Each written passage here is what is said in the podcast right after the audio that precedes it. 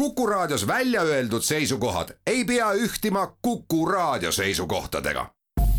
Te kuulate Kuku Raadiot. spordireporter. spordis kruvib pinget, Pahv üksteist ja seitse minutit on saanud kell, täna on kahe tuhande kahekümne kolmanda issand aasta maikuu kahekümne kolmas päev. tere kuulama spordireporterit järjekorranumbriga kolmsada üksteist, kuulama kutsuvad teid Järvelott Tallinn, Susi Joosep samuti Tallinn. teematrellid äh, spordireporter või haaksõna spordireporter töötab Twitteris nii nagu ikka, selle kaudu on võimalik esitada meile küsimusi, mõtteid, tähelepanekuid, millele vastamise võtame ette saate kolmandas osas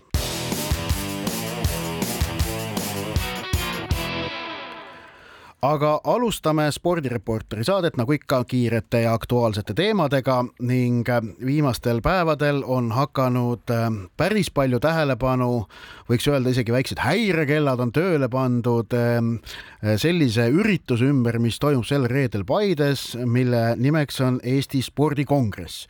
Ja need need jutud ja häirekellad, mis selle sündmuse ümber käivad, on siis ennekõike seotud sellega, et kas sellel üritusel on mõte, miks sellel üritusel on selline roll, nagu ta on, miks tal ei ole teistsugune roll, miks seal kas räägitakse liiga palju või räägitakse liiga vähe, miks seal midagi ei otsustata või otsustatakse vastupidi asju, mida seal ei peaks otsustama. ehk et ähm, tegelikult valitseb selle sündmuse ümber äh, paras segadus. Äh, sedapuhku spordikongressil kavatsetakse tahetakse mm, käsitleda eh, näiteks eh, Eesti spordiarbitraaži loomist, mis on siis nii-öelda spordi vahekohus, mida tahetakse luua. Eh, kokkuvõttes tuleb tõdeda, et ega sellise ühepäevase kokkusaamisega, mis kestab mis oli, kuus tundi koos lõunapausi ja kohvipausidega.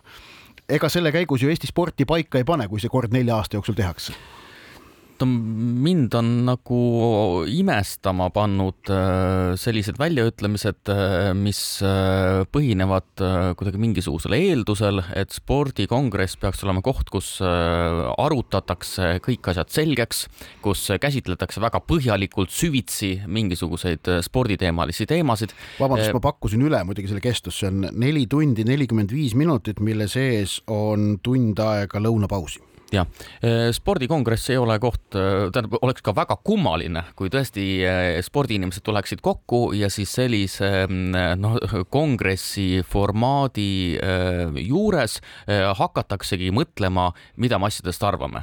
Või siis hakkamegi süvitsi käsitlema mingisuguseid teemasid, hakkame arutama, kuulame ära erinevaid osapooli ja nii edasi selle paari tunni jooksul ei jõua seda teha ja oleks äh, ka väga halb Eesti spordile, kui spordikongress olekski koht, kus tegelikult midagi otsustatakse või, või, või, või millel oleks mingisugune roll.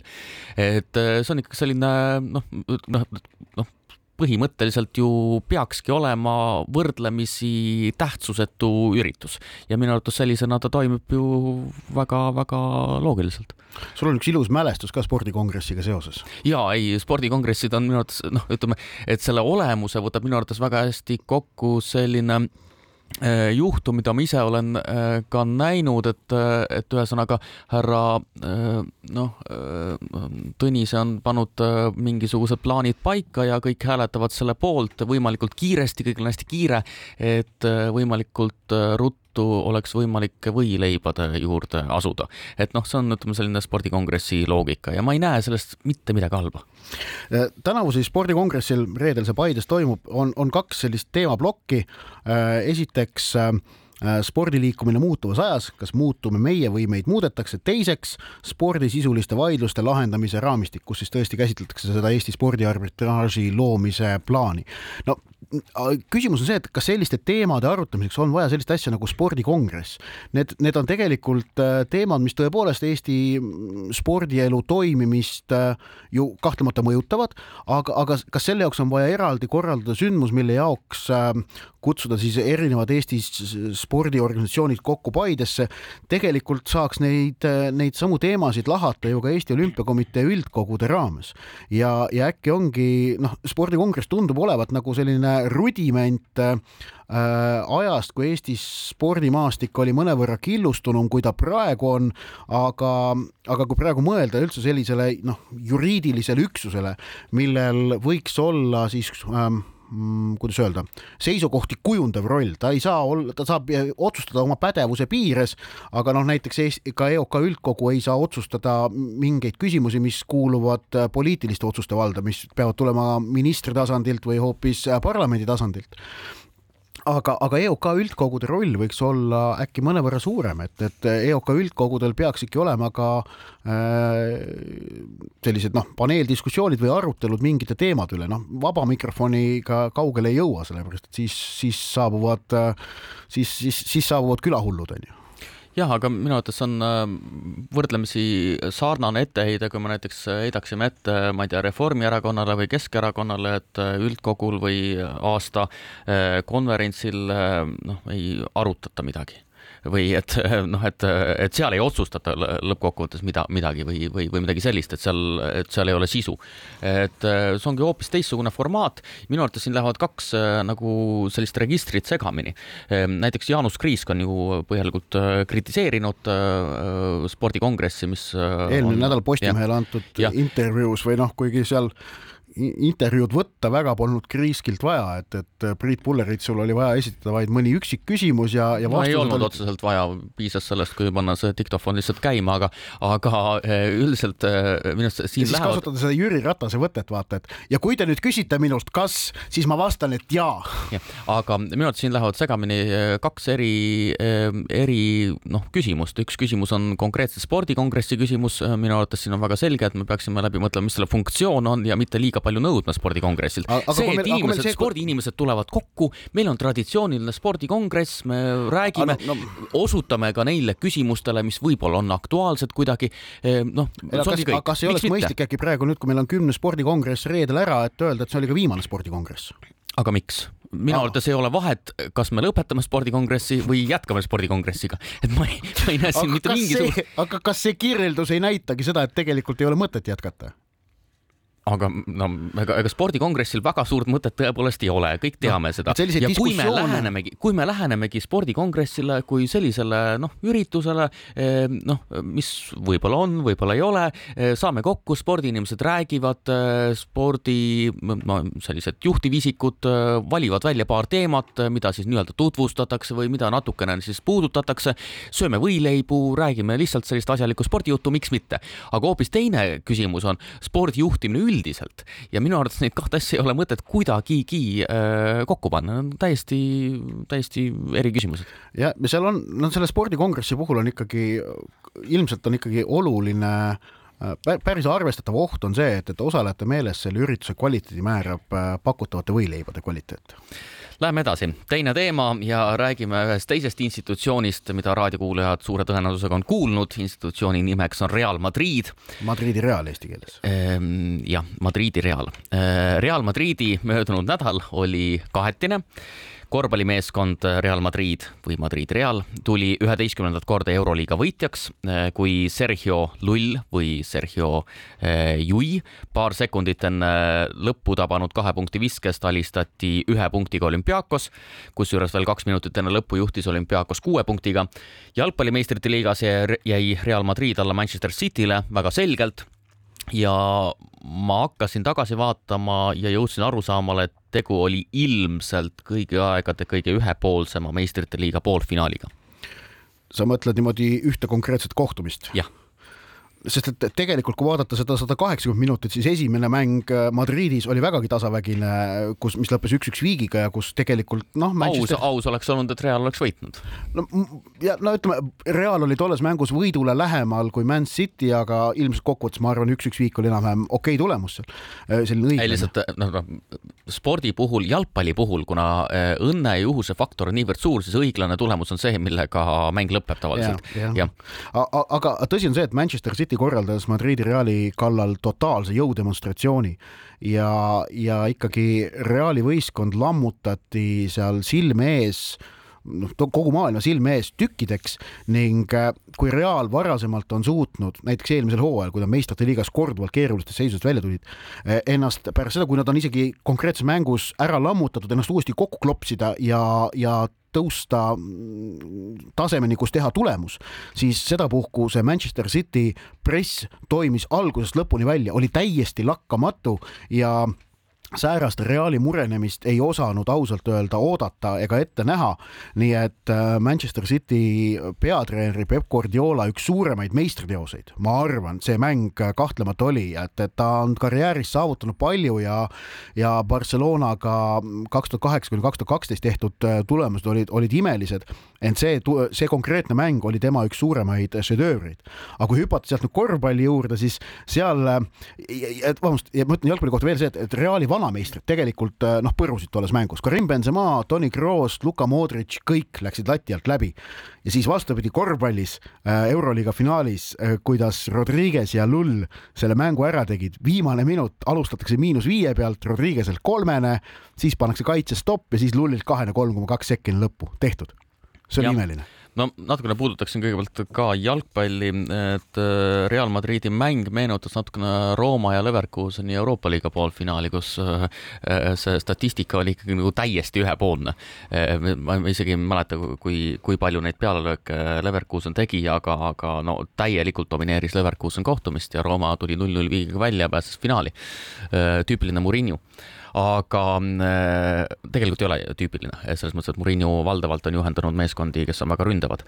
aga no Reali sellist esitust pole ilmselt ükski jalgpallisõber varasemalt näinud et võib-olla analoogia on ainult üks kohtumine Murillo käe all, kui kaotati null viis Barcelonale aga ma arvan, et rohkem viimase kümne aasta jooksul Real niivõrd halvasti pole mänginud ja põhjus on väga lihtne, ei suudetud, aga vastane, vastane on lihtsalt niivõrd võimas, et äh, ei, ei lubatud mängida. ja, ja. nüüd siis korvpalli juurde minnes, siis äh, okei okay,, me rääkisime praegu paar sõna sellest finaalist, aga tegelikult vaatame Reali korvpallimeeskonna teekonda Euroliiga sõelmängudes, siis veerandfinaal Belgradi partisani vastu, nad ju kaotasid kodus hakatuseks kaks mängu, jäid veerandfinaalis null kaks kaotusseisu, sõitsid võõrsile teadmises, et nad peavad mõlemad mängud võitma. ja seal oli ju see kaklus ka olnud teise mängu lõpus, mille tõttu olid seal võistluskeelud ja noh, Reali suhtes oldi ikka päris verised ja nad võitsid Belgradis kaks mängu. esmalt kahe punktiga, siis seitsme punktiga, kodus viimane mäng äh, nelja punktiga. nii, finaalturniir Kaunases poolfinaal vastane Barcelona, mida juhendab äh, Jassikevitšus, kodupubliku või noh, Leedu korvpallipubliku ilmselgelt suur lemmik ja suudeti see Barca maha murda.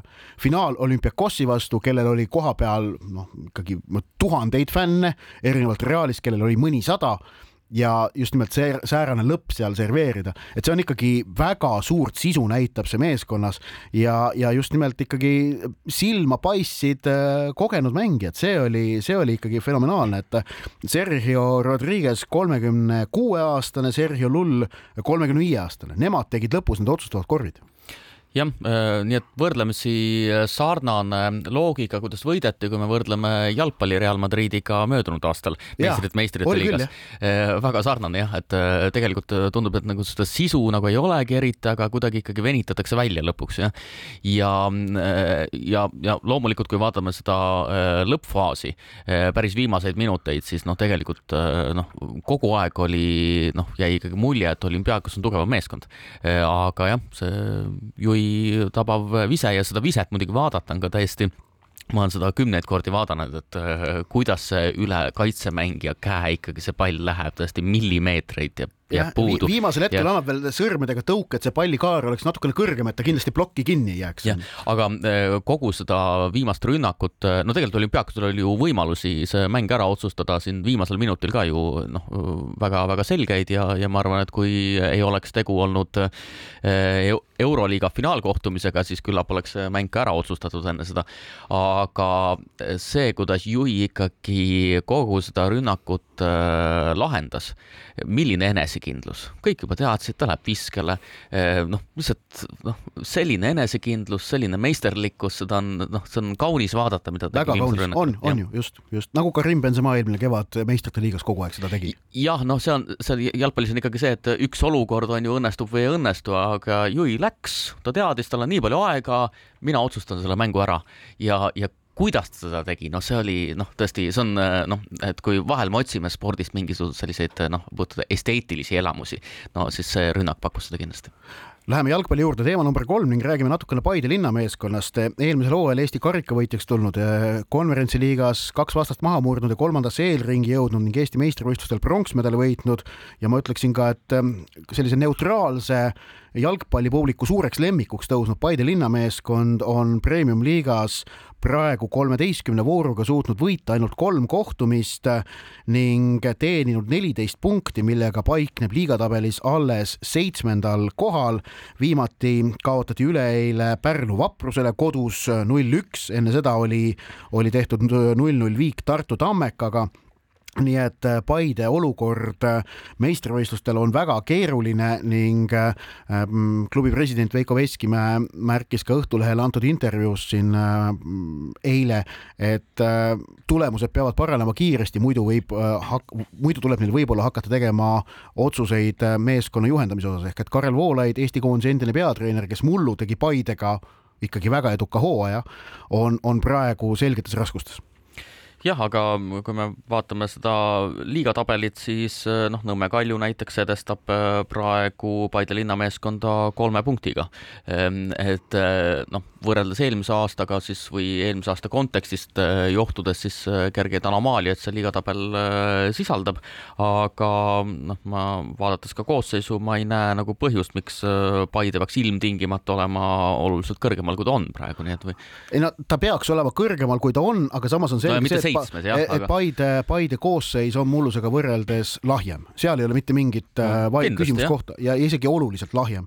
Ähm, aga väga huvitav on nüüd äh, noh, näha seda, et homme õhtul muuseas mängib Kadrioru staadionil Paide Kaleviga, kes on tabelis kolmas ja see on kahtlemata huvitav mäng, et Kalev on selle hooaja üks suurimaid õnnestujaid olnud ja noh, jalgpalli sees muidugi Karel Voolaid on jätkuvalt väga vastakaid emotsioone tekitav persoon, et oleme ausad no., jalgpalli sees ollakse, osad, osad inimesed on tema peale väga vihased selle peale, et et jätkuvalt, et ta Eesti koondise peatreenerina ainsatki mängu ei võitnud jah, no see periood ebaõnnestus, aga, aga siin oli ka noh, tuletame meelde hoopis teistsuguseid äh, põhjuseid, ütleme, see kontekst ei olnud ka just äh, väga ähm, edu soosiv nii-öelda, vaadates nii koosseisu meelestatust ja nii edasi. aga äh, mina olen aru saanud, et jalgpalliringkondades on põhiküsimus, et keegi ei ole täpselt aru saanud, et kas Karel Voolaid on hea treener või ei ole, aga läheme edasi. Ja neljas teema, Põlva Serviti alistas pühapäeval aset leidnud Eesti käsipalli meistriliiga finaalseeria kolmandas mängus Viljandi lisaajal kolmkümmend kolm, kolmkümmend üks ehk siis kahe väravaga ja krooniti mängudega kolm-null taas. Kui ma ei eksi, siis kaheksandat korda, ütlesid sa jah, kaheksandat korda järjest Eesti meistriks. kusjuures avapoole võitis Serviti seitseteist kümme aga mäng läks ikkagi lisaajale ja ma saan aru, et Viljandil oli veel äh, kaheväravaline edu napilt enne lõppu, nii et äh, napilt tuldi ikkagi välja, eduseis mängiti maha, ma saan aru, et see on äh, noh, kõige stereotüüpsem, traditsioonilisem võidukramp ja oli küll, minu meelest oli küll äh, ja võidukrambist tõid selle meeskonna välja kogenud liidrid, ennekõike väravvaht Eston Varusk, aga ka, aga ka ääremängija Jürgen Rooba viskas seal väga vajalikke väravaid. Ähm, serviti kaheksas järjestikune Eesti meistritiitel on, on ikkagi ainulaadne ja fenomenaalne Eesti võistkondlike alade kontekstis. proovisin siin leida andmeid selle kohta ja mulle jäi silma, et vist äh, Pärnu võrkpalliklubi äh, meeskond aastatel kaks tuhat kuni kaks tuhat neli tuli viis korda järjest Eesti meistriks, et see vist on on, on nii-öelda järgmine sellest Serviti kaheksast. korvpallis vist ka üle nelja pole järjest olnud, jalgpallis on Levadia neli korda järjest tulnud kaks tuhat kuus kuni kaks tuhat üheksa. siis kui Pärnu võrkpalli valitses täielikult, siis ka koosseis oli selline, seal olid ju Nõmsalu, Meresaar ja kõik, kõik olid koos. et ma, ma naiskondade Eesti meistrivõistlusi erinevatel pallimängualadel praegu läbi ei sõelunud, selle kohta oli andmeid keerulisem leida. aga et ühesõnaga Serviti kaheksa järjestikune Eesti meistritiitel on väga kõva saavutus, see on, see on noh, fenomenaalne valitsemisaeg. aga nüüd nüüd teeme pausi ja siis räägime sellest, miks Kaia Kanepi tahab paarismängus venelasmaa sportlasega platsile minna. spordireporter. spordis kruvib pinget, Pahv spordireporter jätkab ning räägime Eesti praeguse seisuga endise esireketi, sellepärast et hetkel on Anett Kontaveit taas tõusnud WTA edetabelist Kaia Kanepist mööda. Kaia Kanepi otsusest äh, Prantsusmaal Strasbourgi WTA turniiril minna paarismängus väljakule koos Venemaa tennisisti Angelina Kabujevaga. Otse loomulikult nagu kõik Venemaa ja Valgevene tennisistid ei saa ka Kabujeva mängida oma riigi lipu all, vaid äh, ta on nii-öelda neutraalne sportlane, aga Kaia Kanepi otsus venelannaga vabatahtlikult äh, võistluspaar moodustada on arusaadavalt tekitanud Eestis omajagu reaktsioone. tegemist on tegelikult ju järjekordse äh, juhtumiga mm, seerias, kus Eesti äh, sportlased, Eesti tippsportlased ja, ja peame silmas siis Eestis ikkagi tõepoolest väga tuntud ja olulisel kohal olevad sportlased on ilmutanud noh, pimedust üldise Eestis valitseva fooni suhtes. minu meelest äh, me võime välja tuua siin eelnevad juhtumid. esiteks äh, oli Kaia Kanepi enda äh, sõnavõtt eelmise aasta detsembris, oli vist ETV selles aasta kokkuvõtvas saates, kus ta ütles, et tal ei ole mingit plokki selle suhtes, et, et Venemaa või Valgevene tennisistidega võistelda ja ta ütles veel, et sport ja poliitika tuleks lahus hoida ähm, minu arust on okei et Valgevene ja Vene sportlased saavad mängida, äh, mis tekitas ikkagi väga suurt kummastust. järgnes sellele Eesti E, e, ena-, mitme ekskoondislase ja praeguse koondislaste äh, Konstantin Vassiljev ja Sergei Zenjovi ühisfoto Venemaa jalgpallikoondise peatreeneri Valeri Karpiniga, mis oli sotsiaalmeediasse postitatud, mille kohta Vassiljev ütles, meil on kahju tekkinud olukorra pärast ja vabandame kõikide ees, kelle tundeid meie õhtusöök ning sellest foto avaldamine sotsiaalmeedias riivas. meie vestlus käis vaid jalgpalli ümber, me ei rääkinud poliitikast ega sõjast. meie seisukoht sõja osas on olnud alati üks ja seesama, sellele ei ole õigustust ning äh, talvel jaanuari lõpus äh, juhtus veel üks äh, intsident, kui Irina Embrichi juhendatud noor vehkleja kasutas Eestis toimunud võistlustel Venemaa lipuvärvides maski, mille, mille osas tekkis kohapeal noh, konflikt.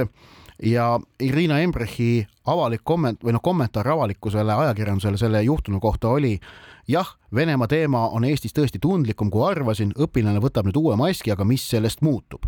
Venemaa eksisteerib endiselt ja sõda kestab edasi, probleemid on märksa suuremad kui üks mask ja tegi Embrich ka olulisi etteheiteid üleüldse selle juhtumiga ajakirjandusse mindi. Ehm, no ma ikkagi paneksin need, selle seeria kokku, et meil, meil on ikkagi olemas või noh, meil on sportlased, kes ei taju biiti, kui ma nüüd ikkagi selle asja kokku võtaksin minu arvates on kolm äh, väga erinevat juhtumit, äh, aga Kanepi juhtumi puhul äh, ma, kas võin no,, kas kanepi... võin eetrisse paisata no, ühe kanep, kuulsa tsitaadi? no Kanepi puhul on, on seis ka see, et see on tal nüüd nii-öelda teine case. noh, jah, ma arvan, et jah, okei okay.. siin, siin me aga... näeme juba vaata et reeglit. mina ütleksin selle peale, et ütleksin kuidagi nii, et sportlane on sportlane, tihtipeale jääb ju kooliharidus lünklikuks ja tea paljukest seda oma mõtlemiski on ja nii edasi, nagu ütles kunagi eh, Eesti Olümpiakomitee president. Eh, see oli väike nali, aga tõesti eh, radikaalne ignorantsus on lihtsalt ja, ja ma arvan tõesti, et see on väga rumal otsus, ei taju absoluutselt Kanepi praegust situatsiooni ka see jah, väljaütlemine varasemalt, et Venemaa sportlasi peaks lubama võistlustele, ei taju seda situatsiooni jah. ja ma arvan, et siin, kui siin on palju nagu käsitletud lihtsalt küsimust, et Eesti, ma ei tea, olümpiakomitee ja Eesti spordi eri institutsioonid, muuhulgas näiteks Tenniseliit peaks selgitama kuidagi. mul on tunne, et kui nagu praegusel hetkel täiskasvanud inimene ei taju seda konteksti Eesti, Eestis, noh, mis sa ikka ikka talle seletad, et aga väga, väga kahetsusväärne. aga sa ütlesid, et need äh, juhtumid, mida ma kirjeldasin, sinu meelest on, on väga eripalgelised. jah, ehm, et minu arust esimene juhtum on ikkagi see Kanepi juhtum on lihtsalt äh, tõesti radikaalne ignorantsus, äh, see on rumalus, ehm, tõesti noh, ma ei tea. vastutustundetu. täiesti vastutustundetu käitumine. Ehm, Vassiljevi juhtumi puhul see on hoopis teine. seal tuleb, seal tuleb rõhutada seda, et seal eh, tegelikult see ei olnud ju ainult Vassiljevi juhtum, vaid seal noh, tegelikult selles juhtumis osales kümmekond äh, praegust endist jalgpallurit, aga selge oli see, et Konstantin Vassiljevi sümbolväärtus on Eestis ikkagi väga-väga oluline ja sellepärast see keskendus temale. ja ta on Eesti koondise kapten. jah tegelikult Vassiljev äh, sattus üritusele, täiesti spordi nii-öelda välisele üritusele, keegi teine tegi pilti, Stepanov postitas selle äh, pildi üles, et kellelgi ei ole tegelikult ju mingisugust muret sellega, et Vassiljev kohtub Karpiniga näiteks, kui ta on sõber. miks mitte? Iseenesest äh, võiks seda teha, kui see ei ole avalikus ruumis, jah. aga lihtsalt küsimus ongi, et äh, noh, ühesõnaga äh, ja Vassiljevi reaktsioon lõppeks oli ka ju selline, et alguses ta ei kommenteerinud, aga võrdlemisi ikkagi kiiresti Äh, väga selgelt vabandas, ütles, missugune tema meelsus on, tema hoiak on, kohtus ka fännidega, üritas seda olukorda lahendada. see oli selline noh, noh, mõtlematusest või ütleme ka paljude eri aspektide kokkulangemise tõttu tekkinud selline noh, probleem. et Vassiljevile tegelikult ma ei heidaks midagi ette, aga noh, Kanepi olukord on täiesti ju täiesti teistsugune, ta läheb spordiväljakule teadlikult, lähebki mängima koos vene sportlasega, hoopis teine asi. Embrichi puhul loomulikult ega see, see, et selline olukord juhtus, on noh, selliseid asju võib juhtuda, aga see reaktsioon, see, mida sa ette lugesid, noh, see, see on jällegi lihtsalt märk sellest no,, et tegelikult süüdistamine sellele, et aga, aga need jama üldse, et see avalikkuses läks. jah, et äh, jällegi ilmselgelt ei ja, ja veel see, et Venemaa teema on tundlikum, kui ma arvasin, tundlikum, kui ma arvasin. noh, see on, see, see räägib juba enda eest, nii et minu arust kolm erinevat juhtumit, Vassiljevi juhtumi puhul ma tegelikult Vassiljevile midagi oluliselt ette ei heidaks üldse. aga see, kuidas Kanepi käitub, tõesti jah. aga teeme praegu pausi ja tuleme tagasi siis, et võtta ette kuulajatelt laekunud äh, küsimused spordireporter. spordis kruvib pinget, Pahv spordireporter jätkab, Joosep Susi Ott Järvel jätkuvalt Kuku raadio Tallinna stuudios ning meie saate kolmas osa kuulub nagu ikka kuulajatelt laekunud küsimustele ning Kaia Kanepi teemaga eelmise saateploki lõpetasime ja sellesamaga ka nüüd alustame, sellepärast et Martti on läkitanud meile järgmise küsimuse. miks ei ole Eesti Olümpiakomitee, Tenniseliit ega sponsorid teatanud koostöö lõpetamisest Kaia Kanepiga? kui sponsorite puhul on tegu mainekahjuga, siis Eesti Olümpiakomitee jagab maksumaksja raha Eesti-Vene koostööprojektile no kõigepealt, miks EOK ei ole midagi ette võtnud, põhjus on lihtne, et äh, me teame, et Eesti spordivälja ju valitsevad äh, kaks inimest ja nad kõik ei jõua lihtsalt, et äh, piisavalt palju inimesi pole. aga siin on jällegi, nagu ilmestab ka Rahvusvahelise Olümpiakomitee käitumine, noh, olukord, kus noh, võiks öelda, et väga kiiresti unustatakse need nii-öelda algpõhjused ära või siis, et harjutakse, äh, peetakse normaalseks seda, mis äh, praegusel hetkel aset leiab et kui aasta aega tagasi oleks Kaia Kanepi samamoodi käitunud, oleks reaktsioon olnud, äh, ma arvan, ka Eesti Olümpiakomiteelt võrdlemisi kiire. aga noh, minu nagu resümee on, et Eesti Olümpiakomitee tegelikult peaks väga jõuliselt sekkuma, väga selgelt väljendama, hukka mõistma, ütleme, et sellisel juhul Kaia Kanepiga mingisugune nagu koostöö ei ole võimalik praegusel hetkel. ma kontrollisin üle. Ka... arvestades, kui jõuliselt ja väga tänuväärselt on Eesti Olümpiakomitee pidevalt Venemaa küsimusse suhtunud ja väga, väga, põhimõttekindlalt. väga põhimõttekindlalt, ka rahvusvahelisel e-, areenil ja nii edasi, e, siis praegu tuleks seda joont hoida, et e, see on lubamatu käitumine Eesti, Eestit esindavalt sportlaselt. ja Kaia Kanepi on hetkel Team Estonia nimekirjas C-kategooria toetust saava sportlasena. C-kategooria toetus on, kui ma ei eksi, kas oli tuhat mõnisada eurot äh, treeningtoetust kuus, kui ma ei eksi. et, et see noh, ei ole midagi väga suurt, aga, aga see on siiski noh, tuntav. ehk et see on kahtlemata praegu koht, kus jah, Eesti Olümpiakomitee peaks, tähendab, et Eesti Olümpiakomiteel on olemas otsene finantssuhe Kaia Kanepiga, see on selle pealt äh, arusaadav äh,. ja, ja. tuhat kakssada viiskümmend jah. jah, ja selle pealt see, selle katkestamiseks praegu on alust enam kui küll. Eesti Tenniseliit äh, võttis äh, selle Kaia Kanepi paarismängu osas seisukoha järgmise, kus siis äh, tenniseliidu peasekretär Allar Hint ütles kommentaaris Delfile, et Kanepi otsus on alaliidu väärtushinnangutega vastuolus, aga sportlase tegemistesse nad sekkuda ei kavatse ähm, no tähendab, eh, tegelikult ega, ega tenniseliit ei saagi Kanepi tegemistesse sekkuda, ehk et kui Kanepi otsustab selle venelannaga paari mängida, ega tenniseliit ei saa teda keelata või keelata tal üldse võistlustel osalemast, see, sellist võimalust tal ei ole. küll aga on võimalik tenniseliidul võtta põhimõtteline seisukoht näiteks ja teatada, et Kaia Kanepi on eemaldatud Eesti Fed Cupi või nüüd on meil, on ikka Fed Cup endiselt, mis selle nimi oli, muudeti vahepeal. Natukene võhiklikkus praegu jah, aga igatahes e-, Eesti Fed Cupi naiskonnast e-, eemaldatud, et see, see on, need on täiesti adekvaatsed reaktsioonid, mida Kaia Kanepi sponsorid ette võtavad, see on nende enda küsimus ja enda otsus. aga nagu me näeme, oleme näinud ka mujalt maailmast, siis äh, ikkagi äh, avalikkuse surve on äh, sundinud erinevaid ettevõtteid oma sponsorsuhteid äh, väga selgelt kaaluma või, või katkestama, kui väärtushinnangud, mida need sponsoreeritavad esindavad, on olnud viltused või väärad. Kas ei ole Billie Jean? Ja Billie Jean Cup just nimelt jah, ma olen nõus sellega tegelikult, et äh, noh, loogiline oleks jällegi noh, et kui aasta aega tagasi oleks äh, Kanepi mänginud äh, Venemaa sportlasega koos paarismängu, siis ma arvan, et ükski sportlane Eestis või ükski sponsor Eestis ei oleks tahtnud teda toetada, praegusel hetkel on nagu harjutud sellega tegelikult sportlase, sponsorid ma nagu soovitaks nagu. ja vaata, ka spordis peab olema tegelikult hoiak täpselt sama, mis on lahinguväljal, kus kehtib teatavasti doktriin, et sõda peab lõppema nii, et Venemaa valdusesse ei jää sentimeetritki räägi Ukraina territooriumist. Äh, spordis peab Eesti hoidma Venemaa suhtes samasugust täielikku ikkagi täisleppimatust ja, ja Eesti sportlased, kes sellega nõus ei ole, ei, ei saa ega tohi saada Eesti riigilt tuge.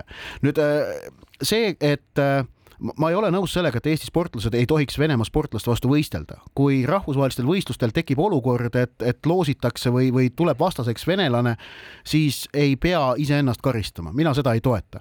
aga vabatahtlikult minna Venemaa sportlasega mesti, moodustada võistkond on vastuvõetamatu, jah, nagu sa ütlesid, radikaalne ignorantsus. jah, aga noh, paralleeliks võibki tuua sellised juhtumid, äh, mis on ka Eesti meedias ju käsitlemist äh, leidnud, ehk siis juhtumid, kus näiteks, ma ei tea, Rootsi jäähokimängija läheb Venemaa kõrgliigasse mängima või Vene, Venemaale mängima, Venemaa klubi eest. see on tegelikult analoogne juhtum äh, põhimõtteliselt ja noh, reaktsioonid äh, rahvusvaheliselt kogu vähemasti läänemaailmas on olnud väga ühesed, hukkamõist ja põhimõtteliselt ikkagi sellise sportlasega koostööd ei tehta. nii et ütleme, meie resümee oleks ikkagi, et Eesti Olümpiakomitee peaks väga selge sammu astuma, jah, mida me juba riivamisi puudutasime aga läheme edasi. armas kallis Tõeleid on esitanud küsimuse, milline on hetkel maailmas toimuv kõige kõrgetasemelise, kõrgetasemelisem jäähokiturniir? kui Stanley karikasari on teie hinnangul parema tasemega, siis miks teisejärgulistest mängijatest koosnev mm nii palju rohkem tähelepanu saab? ma arvan, et selles, et Stanley karikasarja otsustava faasi jõudnud võistkonnad on, on, mängivad kõrgetasemelisemat hokit kui praegu MM-finaalturniiril mängivad meeskonnad, ei ole mitte mingit küsimust, aga seal on muuhulgas põhjus ka see, et klubi hooaja võistkonnad on läbi terve hooaja ju enda kokkumängu harjutanud, aga, aga koondised teatavasti ongi rohkem selline alkeemiline asi pallimängudes ja võistkondlikes mängudes, mis pannakse kokku eh, keset hooaega lühikeseks ajaks jah, siin. aga mängijate tase muidugi ka Stanley'st äh, kõrgem kui praegu MM-il, jah? just, esiteks äh, jäähokiliigas NHL on äh, mitte ainult nendel meeskondadel, kes on jõudnud niivõrd kaugele, vaid kõikidel meeskondadel praegusel hetkel kõrgem tase, kui on ükski jäähoki MM-il osalev koondis. see on selge, ehk siis kõrgetasemelisem on kindlasti NHL, kõik klubid ja see on täiesti teine register, aga miks saab mm rohkem tähelepanu, on see, et see on meil harjumuspäraselt on jäähoki mm olnud noh, Eesti ja Euroopa spordiväljal ikkagi oluline sündmus ja. siin mängivad koondised, see on, see on esimene asi. teiseks on traditsioon järg, jälgida jäähoki MM-i mille sümbolväärtus on oluliselt suurem meie jaoks, kui on NHL-is. kui me läheme Kanadasse näiteks, ma arvan, et Kanadas väga paljusid inimesi ei, ei huvita see, et jäähoki MM on toimumas praegusel hetkel, kuna, kuna hokit mängitakse NHL-is. aga Soomes, Rootsis huvitab küll ammugi, ammu ja, ja samamoodi ka meil siin Eestis just. ja lisaks Rahvusringhääling kannab neid kohtumisi üle, mis paratamatult muudab seda tervikkajastust äh, päris Marco Attolt. Ja, ja seda, seda, see kõik nõus, aga no ikkagi ma arvan, see Rahvusringhäälingu aspekt on isegi tagasihoidlik, sellepärast et jäähoki MM-i jälgimise traditsioon ja selle väärtustamise traditsioon on Eestis ikkagi mitu aastakümmet vana. ei, ma arvan, et ei ole üldse. Äh, seda jälgiti varem hetkel... ka ikkagi Soome televisiooni pealt. jäähoki MM on kogu aeg olnud sündmus, mida Eesti spordiajakirjandus on kajastanud põhjalikult. jah, aga kindlasti ma arvan, et see hoiak, äh, ka muu meedia, spordimeedia hoiak jäähoki MM-ile oleks täiesti teistsugune kui otseülekanne ülekannet ei teeks praegusel hetkel ERR ja veel sellises mahus. kui tehakse, siis tuleb seda kajastada ehm, ja, ja oluliselt rohkem, kui muidu seda tehakse, nii et ma arvan, et see mängib väga-väga olulist rolli.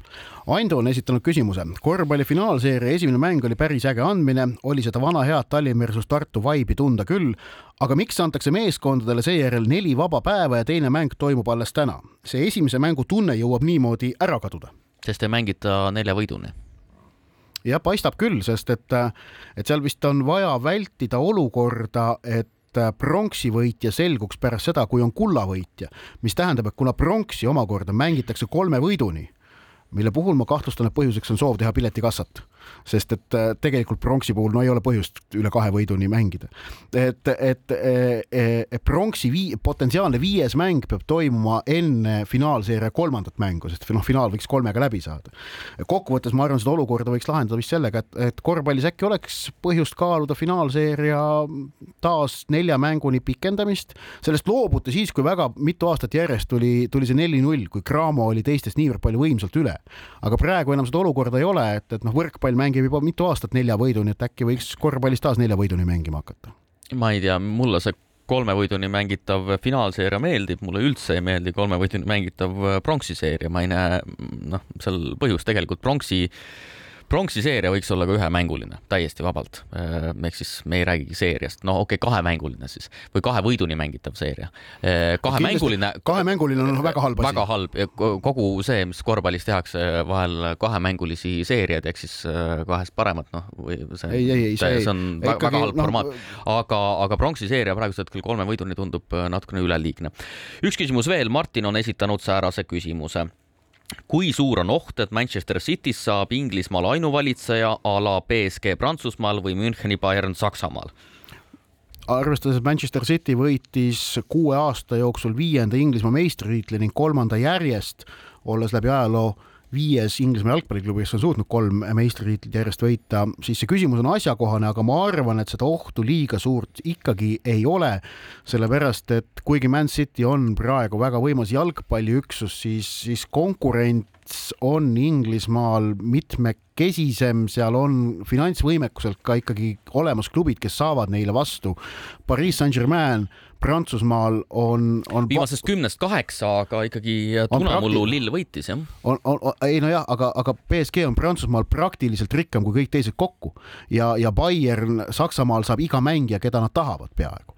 et, et sellist olukorda Manchester Cityl ikkagi ei ole, sellepärast et Inglismaal on teistel ka väga võimalik mingi sada miljonit mängija eest maksta.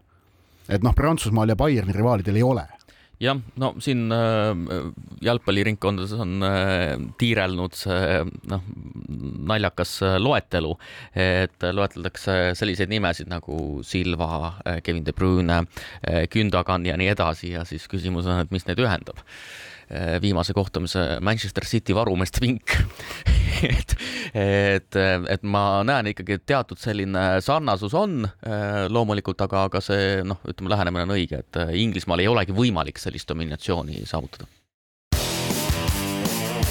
spordireporter. spordis kruvib pinget, Pahv spordireporter jätkab, Järvela susi, mõlemad Tallinnas ja nädal tagasi poleks küll uskunud, et me räägime saate lõpuosas pikemalt äh, korvpalli U kaksteist turniirist. aga oleme sunnitud seda tegema, nimelt äh, Eesti spordiväljal on vahest äh, kõige rohkem möödunud nädalal tähelepanu pälvinud juhtum, mis leidis aset siis Nordkapil. Nimelt üks Soome meeskond U kaksteist vanuseklassis otsustas pärast pärast rassistlikke solvanguid äh, loobuda edasi mängimisest äh, ja mängiti siis Kohila spordiklubiga. ma ütlen kohe ära minu äh, sellise hinnangu olukorrale. Eesti meedia on räigelt üle reageerinud sellele olukorrale ähm, kui me räägime üheteist-kaheteistaastastest lastest, siis neile ei saa esitada samu poliitilise korrektsuse standardeid, mis täis, täiskasvanutele, tegemist on lastega. tegelikult ka selle saate lõpus selle käsitlemine on minu arvates üleliigne, tegemist on olukorraga, kus äh, väike laps tegelikult äh, keset spordivõistlust äh, ütles teisele halvasti. jah, noh, mis me räägime ja nüüd on see kogu Eesti spordi tundub, et kõige olulisem probleem. ja üheteist või kaheteistaastased äh, lapsed ei ole Eesti seaduse mõttes mitte mingilgi moel ju teovõimelised täiesti põhjusega, sellepärast et noh, nad, nad ei saagi enda tegude eest vastutada, nad on liiga noored äh, vähemalt mitte noh, sellise, sel, sel tasemel on ju. ja, ja ma olen sinuga nõus, et see oli üle äh, reageerimine kogu sellele juhtumile. Eesti samas, Televisiooni see, spordisaade. samas see, see üle, noh, ülereageerimise noh, põhjused on äh, on samas muidugi, ma ütleksin, arusaadavad. esiteks oli väline surve, sellepärast et Soome meedias võeti see teema väga intensiivselt jutuks, Helsingin Sanomat kajastas seda väga, kuidas öelda, operatiivselt ja intensiivselt. ja teiseks eelmisest aastast pärit Jüri Vipsi juhtum, mis ilmselgelt kogu ähm, Eesti spordi tegi rassismi suhtes senisest väga palju tundlikumaks. aga siinkohal ongi oluline öelda, et tegelikult see juhtum ei ole Jüri Vipsi juhtumiga üldse mitte võrreldav see no, no, põhimõtteliselt võimalik, et võib-olla oli sõna, mida kasutati sama.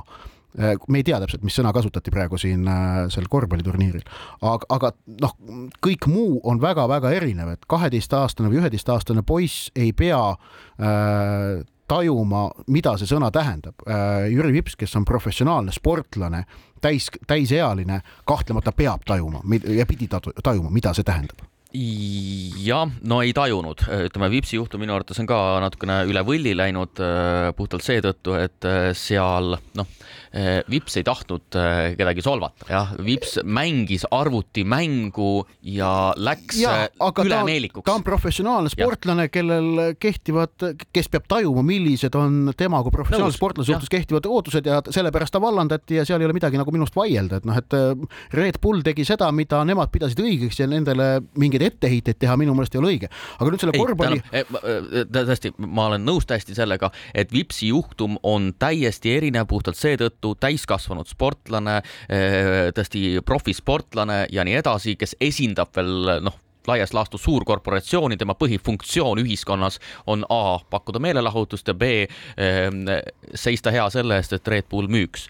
aga eh, teine on üheteist-kaheteistaastaste laste seas leid-, aset leidev intsident, noh, see on noh, ma arvan, et seda juhtub peaaegu no igas mängus peaaegu väikesed lapsed mängivad, keegi ütleb kellelegi natukene halvasti, midagi sellist. no ta ei taju seda situatsiooni, ta on laps, noh ja, ja siin on veel noh, selle kogu juhtumi ümber on muidugi väga palju selgusetut ja, ja me ei tea, mis tegelikult ju juhtus, mida täpselt öeldi, aga noh, on väited näiteks, et enne seda, kui äh, see Eesti poiss ütles vastasele äh, siis rassisti. see ei mängi üldse rolli. Äh, ei oota, et sellele Eesti poisile öeldi, tehti, kuidas öelda noh, alatu või, või noh, mõnitati tema kehakaalu.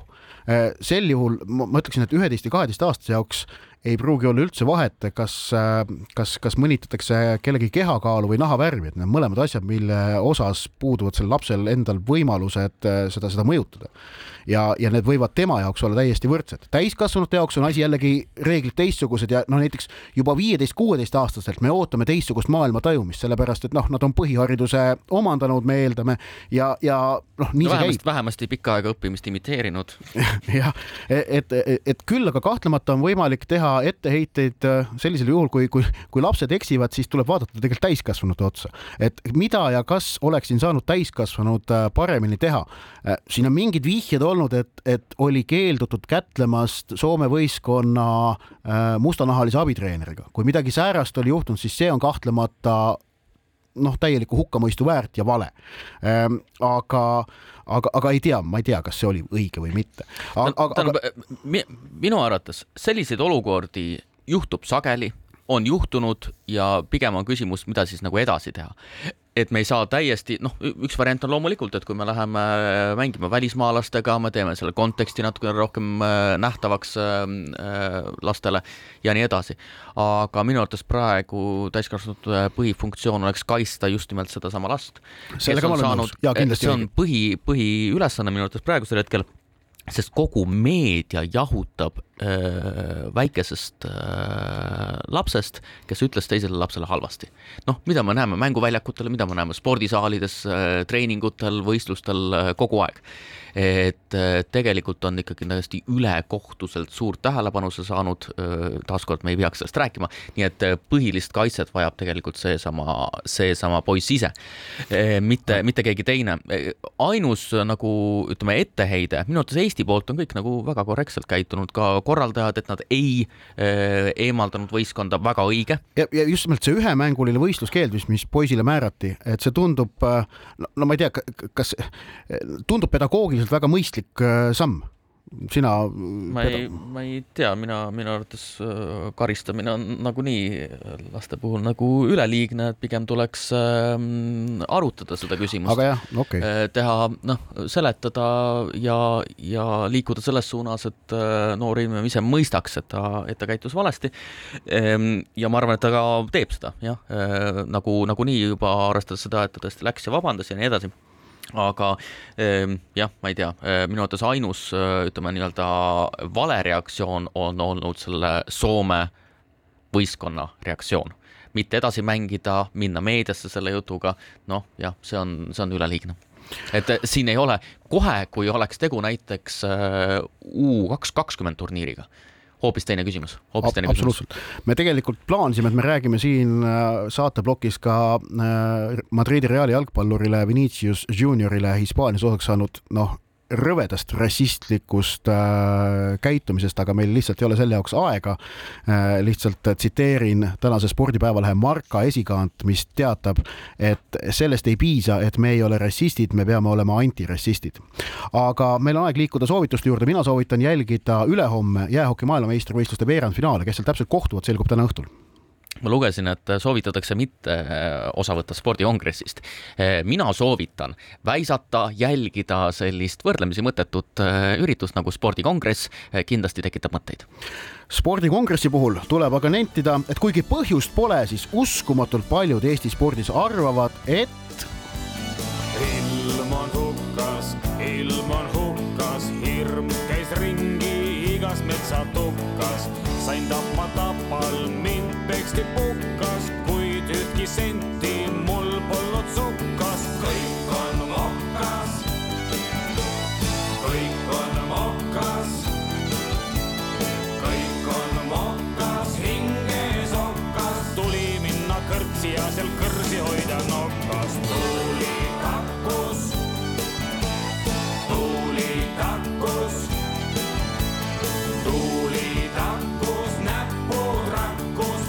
pätsi tegi välja, aga ohver muudkui lakkus. külg on imeline, silm on vineline, taeva minemine on võib-olla imeline, kõrgus põlemine, see on jõlemine, kuid see põlemine käib neile mõlemile. ilm on hukkas, ilm on hukkas, kärbik seisis kalitori nukkas et poleks halli mu juuksed hukkas, ma andsin tina nii, et õlut pruulis luukas, kõik on mokas.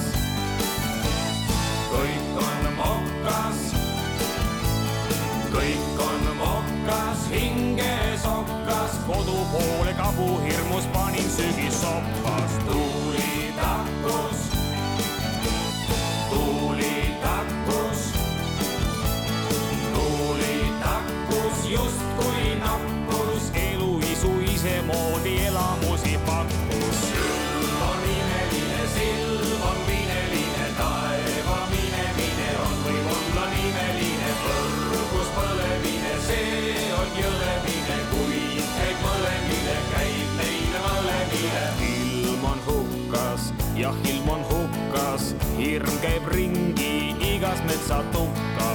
Vaat nüüd on mokas, jah, tõesti mokas, teeb viinatilk must vaglaroka kokka. kõik on ha-ha, kõik on ha-ha-ha-ha, kõik on ha-ha, kõik on ha-ha-ha-ha, kõik on ha-ha, kõik on ha-ha. spordireporter. spordis kruvib pinget, Pahv